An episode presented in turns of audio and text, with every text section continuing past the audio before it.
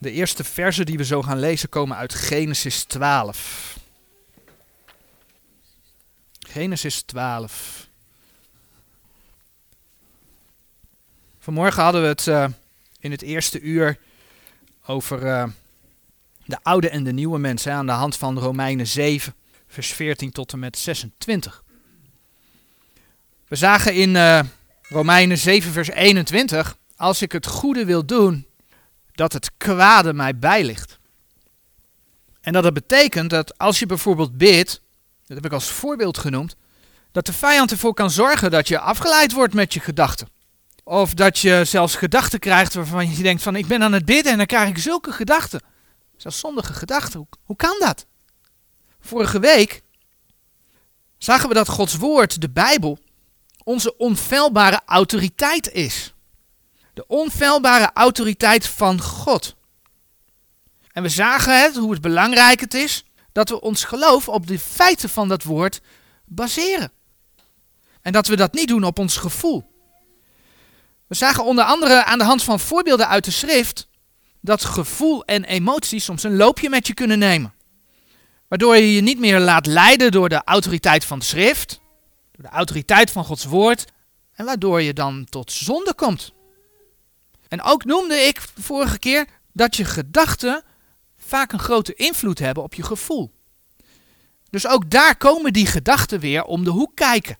Gedachten, en ik denk dat ik dan niet iets raars zeg, zijn eigenlijk altijd aanwezig.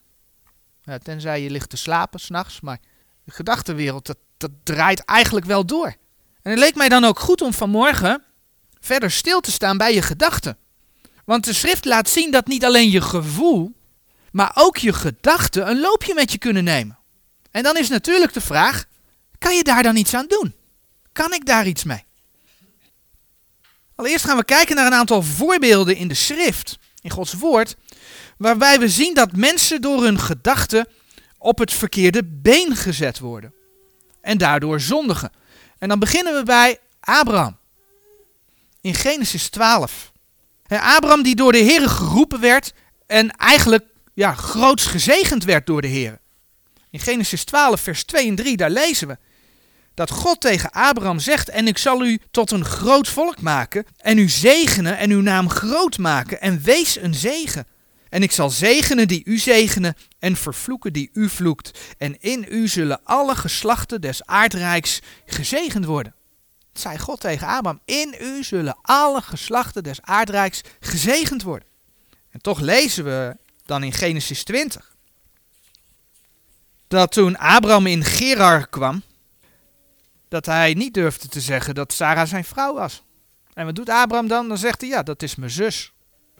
Met tot gevolg dat Abimelech, de koning van Gerar, Sarah in huis neemt. En toen kwam de Heer tussen beiden. De Heer waarschuwde Abimelech.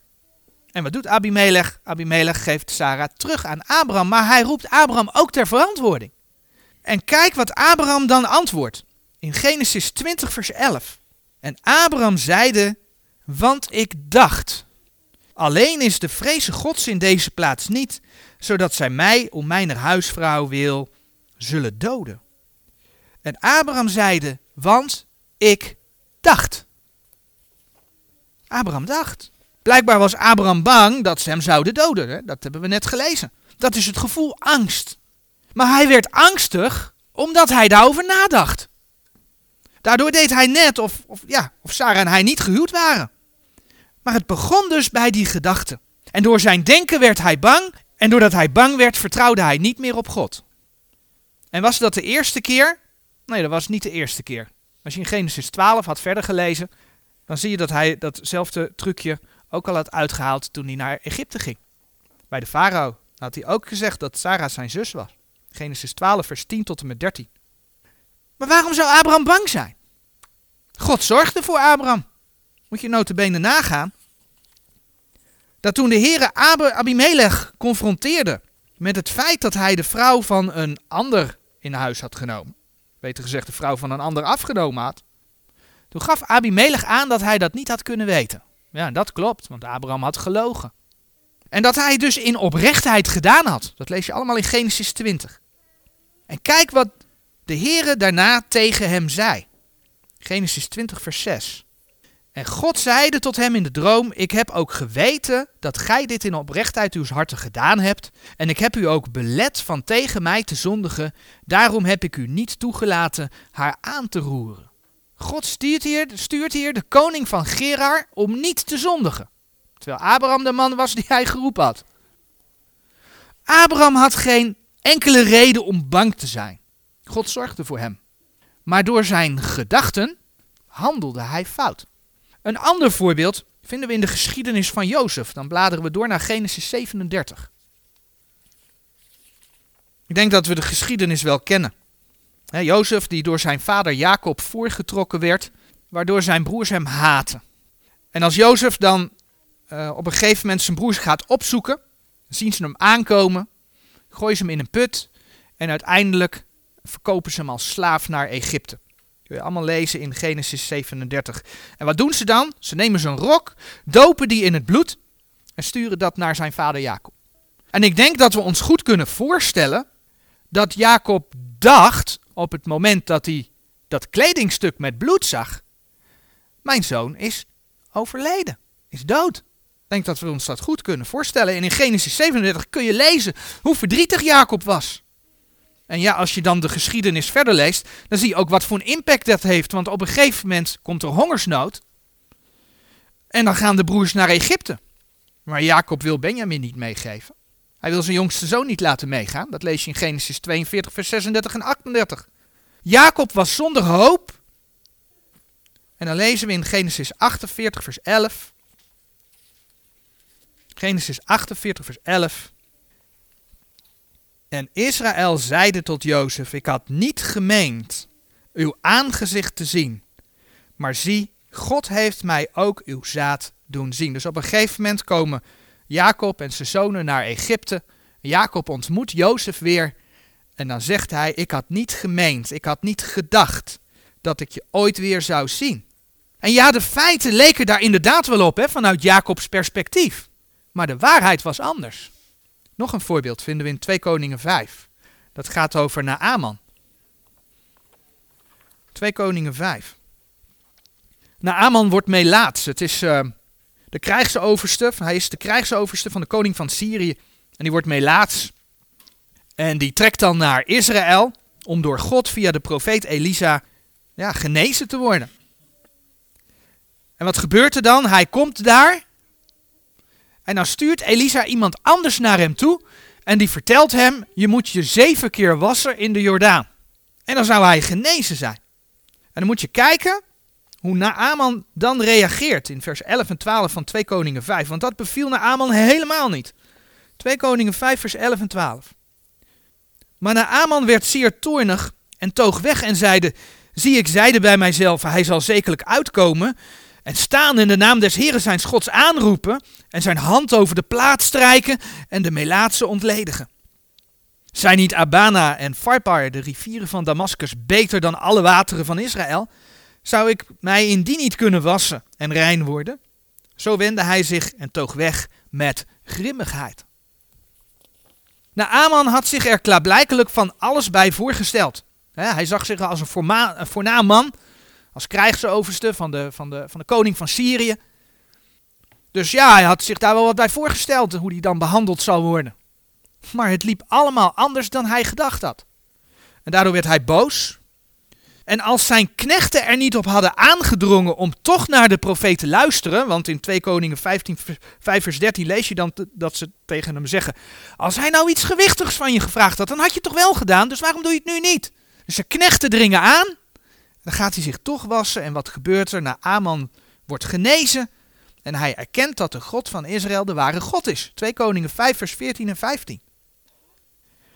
Maar ook hier zien we het dat het gevoel van boosheid begint met eigen gedachten over iets. Want Naaman had zich een voorstelling van gemaakt hoe het zou zijn. Hij had iets bedacht en het liep anders. En hij werd boos omdat hij het anders had gedacht. En ik denk dat het ons ook vaak zo vergaat. Een laatste voorbeeld en dan bladeren we naar Psalm 49. Gaat niet zozeer over een persoon, maar wel over een bepaalde situatie. Het heeft te maken met rijkdom. Psalm 49, vers 2. Daar lezen we. Hoort dit, alle gij volken, neemt ter oren alle inwoners der wereld. Deze psalm is dus voor alle inwoners der aarde geschreven. En dan lees je in vers 7. Aangaande degene die op hun goed vertrouwen en op hun veelheid huns rijkdoms roemen. Dat gaat dus over rijkdom. En dan wordt er over die rijkdom in vers 12 gezegd. Hun binnenste gedachte is dat hun huizen zullen zijn in eeuwigheid. Hun woningen van geslacht tot geslacht. Zij noemen de landen naar hun namen. En vers 13 vult nog aan. De mens nogthans die in waarde is, blijft niet. Hij wordt gelijk als de beesten die vergaan. Als je op deze aarde om je heen kijkt, dan zie je dat rijkdom ervoor zorgt dat mensen denken dat ze God niet nodig hebben. Kijk naar de echte rijken van deze aarde. Ze zijn bijna allemaal vrijmetselaar. En vrijmetselaars aanbidden, tegenwoordig komt daar veel meer over in de, in de nabijheid, die aanbidden Lucifer, die aanbidden de Satan, openlijk. Noem maar eens een heerser op op deze aarde, die met de mond beleidt dat hij wederom geboren is. Misschien dat er een enkele te vinden is hoor, maar de meeste niet. Ik bedoel, ons koningshuis gaat wel één keer in het jaar naar de kerk misschien, bij een doop. Maar die beleiden echt niet dat ze wederom geboren zijn. Echt niet. En dat geldt voor heel veel leiders.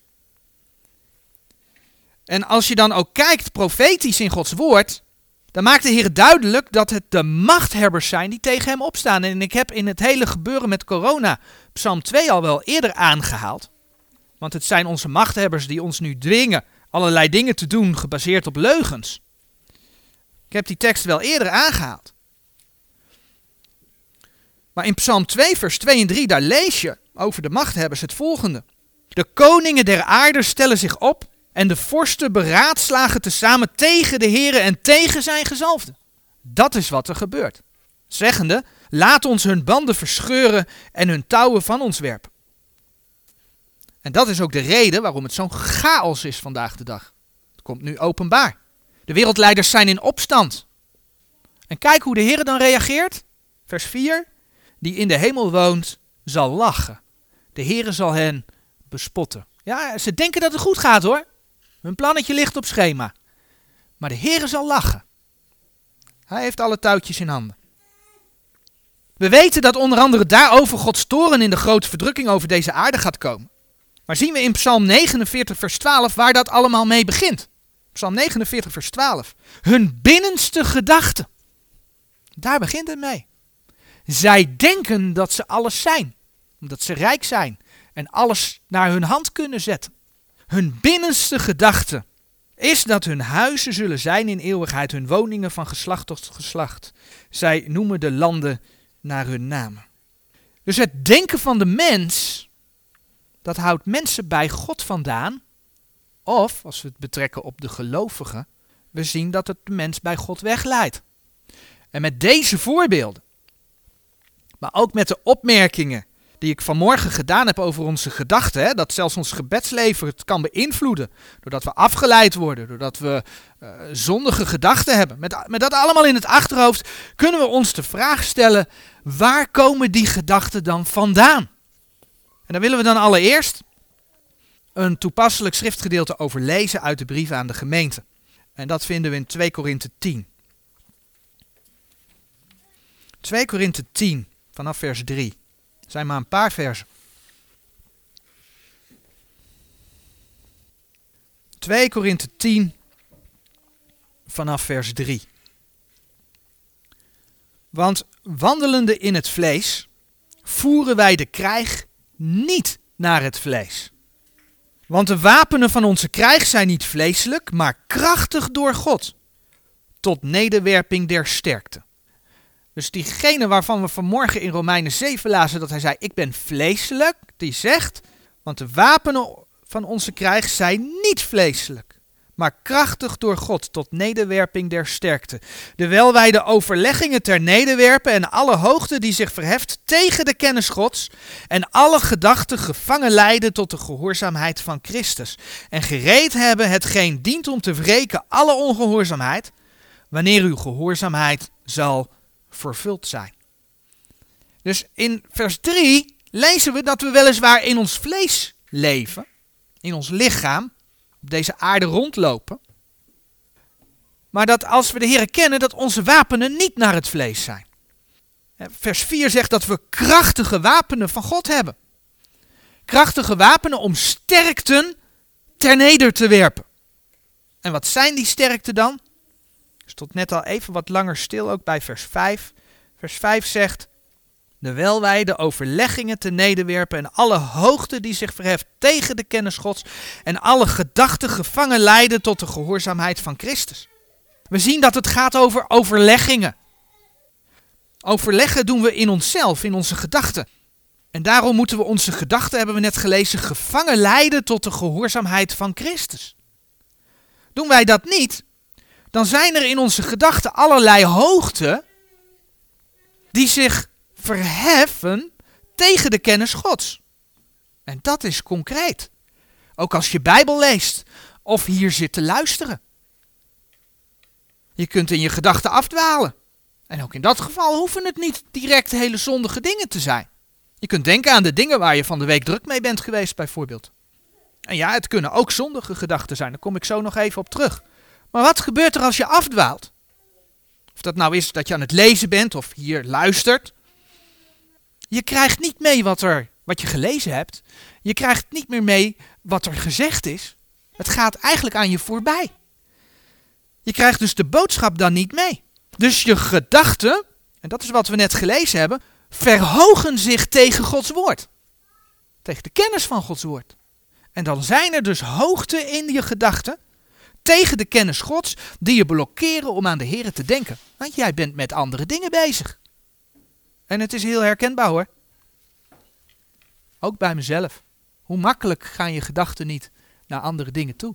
Maar dat geldt ook voor allerlei zondige dingen die we in deze maatschappij meekrijgen. Als je veel tv kijkt, als je veel films kijkt, krijg je allerlei beelden mee.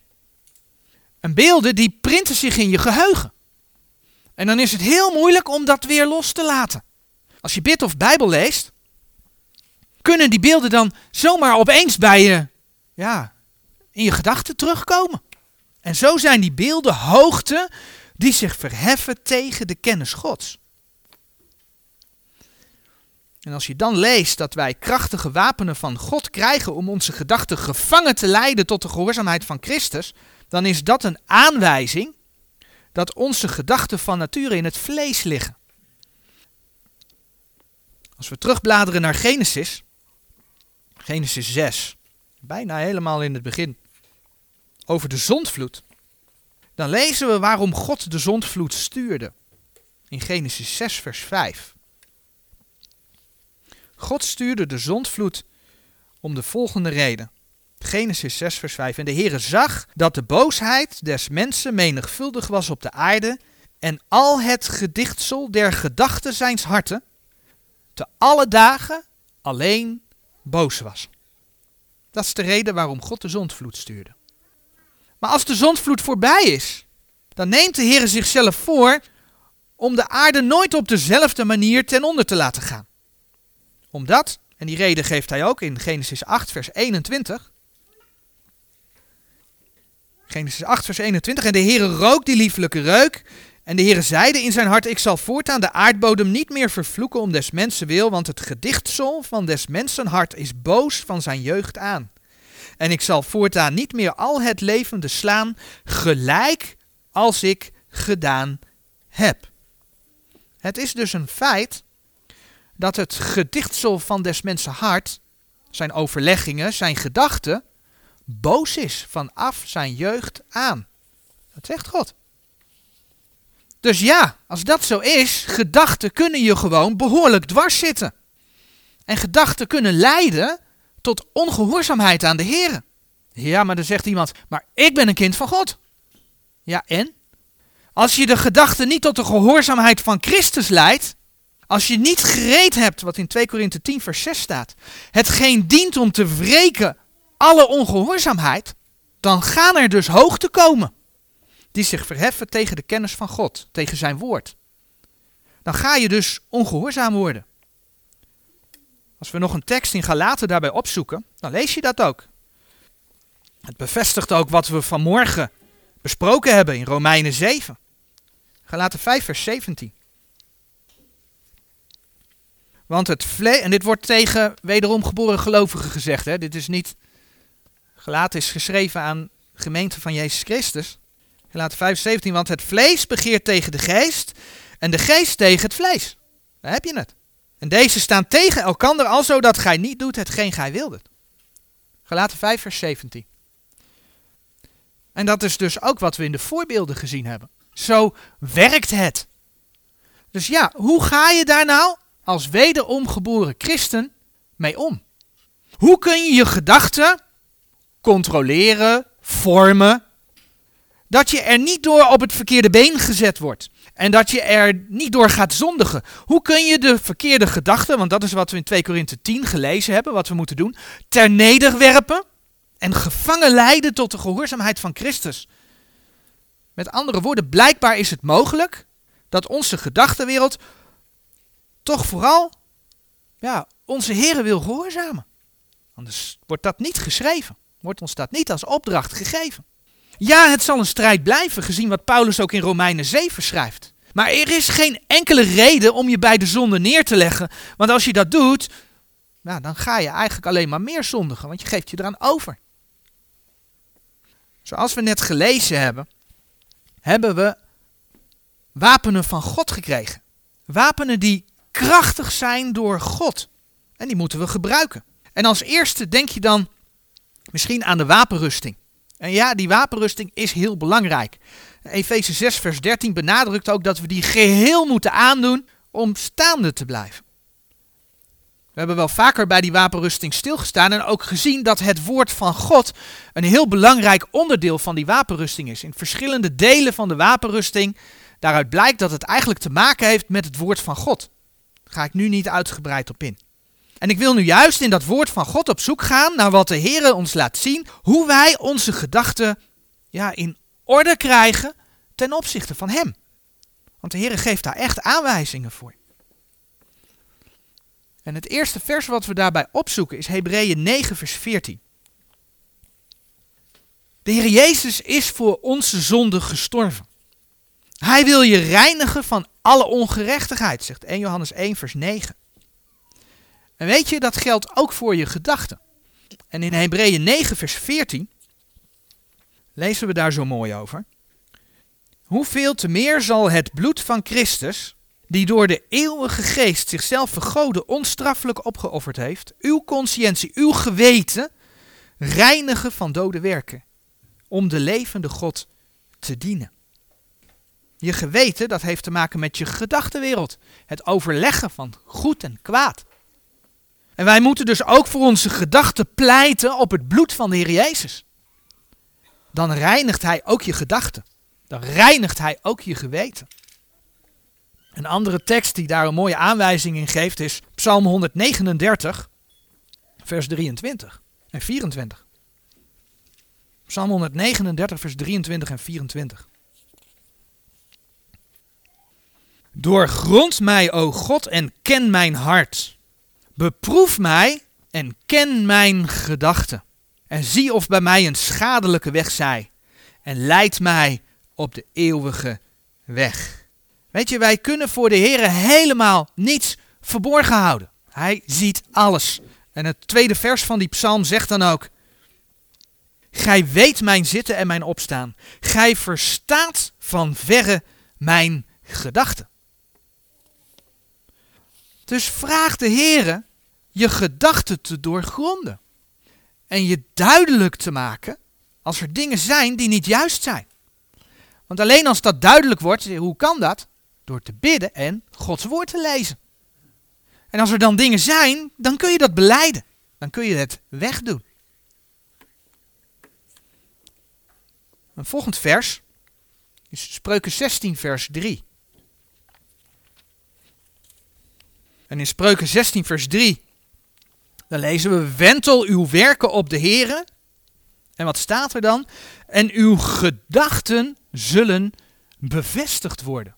Wanneer je je werken op de Here wentelt, ze aan Hem toevertrouwt, er zijn leiding voor vraagt, dan staat daar dat Hij je gedachten zal bevestigen.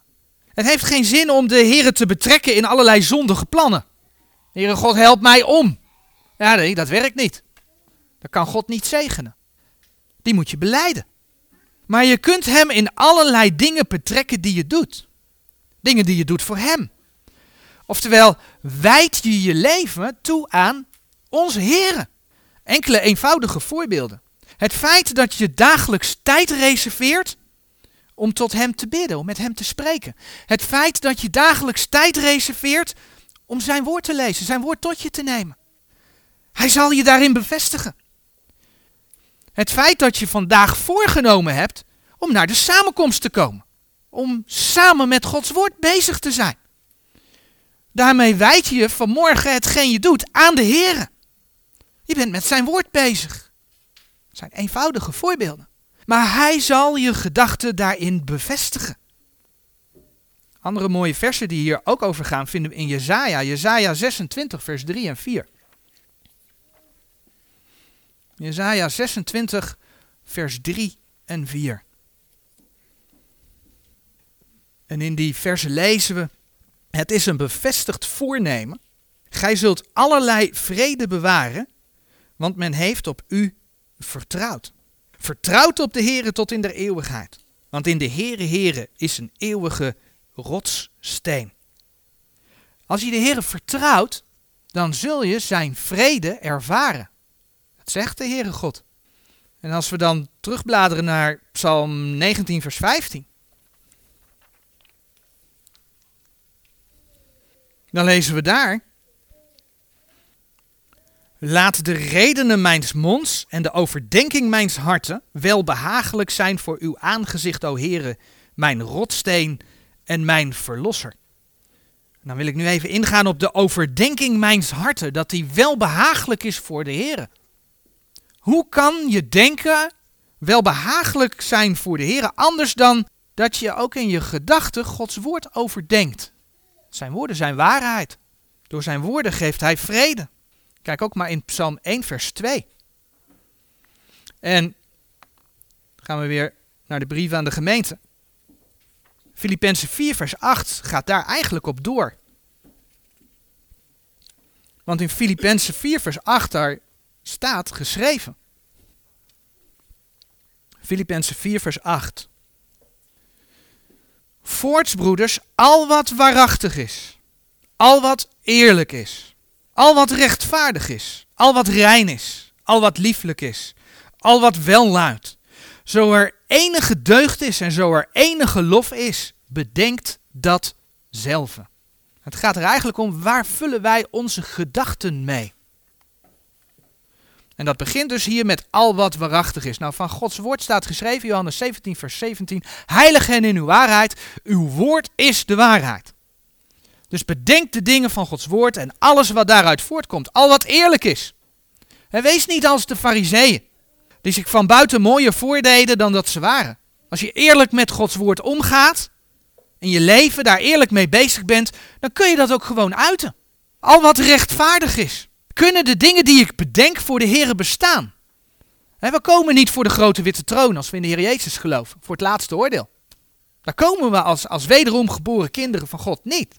Maar we komen wel voor de rechterstoel van Christus, 2 Korinthe 5 vers 10. En daar zullen we wegdragen wat hetgeen goed is, maar ook hetgeen kwaad is. Dus bedenk je dingen die rechtvaardig zijn. Die daar kunnen blijven bestaan. 2 Korinthe 5 vers 10 was dat. Al wat rein is. Als je bezighoudt met gedachten die voor de Here kunnen bestaan, die rein zijn, ja, dan gaat dat ook tot uiting komen in je leven. Al wat lieflijk is. Denk je aan de Here die uit liefde zijn leven voor je heeft gegeven. Denk je aan je geliefden, voor wie de Heer Jezus dat ook gedaan heeft. En als je dan aan je geliefden denkt, denk je dan vooral aan hun fouten? Of denk je dan Heere, vergeef hen, want ook zij hebben uw redding nodig. En bid je dan dat ze de Heer mogen leren kennen. Al wat wel luidt. Ben je altijd maar met de fouten van een andere broeder of zuster bezig? Of zie je dat ook zij, het werk dat ze voor de Heer doen, dat ze daar ook mee bezig zijn? Oftewel, ben je gericht op de deugd, ben je gericht op de lof? Wat is jouw reputatie? Luidt dat wel? En dan is er nog één reden die hierbij kan helpen. En die vinden we in Colossense 3, vers 15 en 16. En de vrede Gods heersen in uw harten, tot welke gij ook geroepen zijt, in één lichaam, en weest dankbaar. Het woord van Christus wonen rijkelijk in u, in alle wijsheid. Leert en vermaant elkander, en dan komt hij, met psalmen en lofzangen en geestelijke liedekens, zingende de Heere met aangenaamheid in uw hart. Door liederen met een bijbelse inhoud te zingen, worden je gedachten gevuld ja, met de Heere. Dan blijft er gewoon minder ruimte over om aan andere zondige dingen te denken. Of je af te laten leiden van de Heer. Dus als je dat hele lijstje bekijkt, door je gedachtenwereld door de Heer te laten onderzoeken, door te pleiten op zijn bloed voor vergeving, door jezelf te vullen met zijn woord, eh, maar daar ook over na te denken, ermee bezig te zijn. En van daaruit ook ja, verder in je, in, je, in, je, in je gedachten bezig te zijn met al die dingen die daaruit voortkomen. En daar hebben we net een heleboel van gezien. Vul je je gedachten met goede dingen.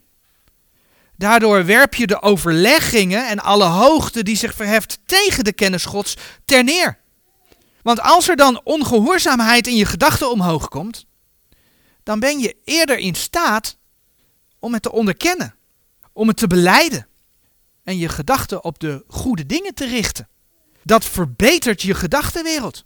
Je wordt weerbaarder tegen zondige handelingen. Want 2 Korinthe 10 vers 6 spreekt over wanneer uw gehoorzaamheid zal vervuld zijn.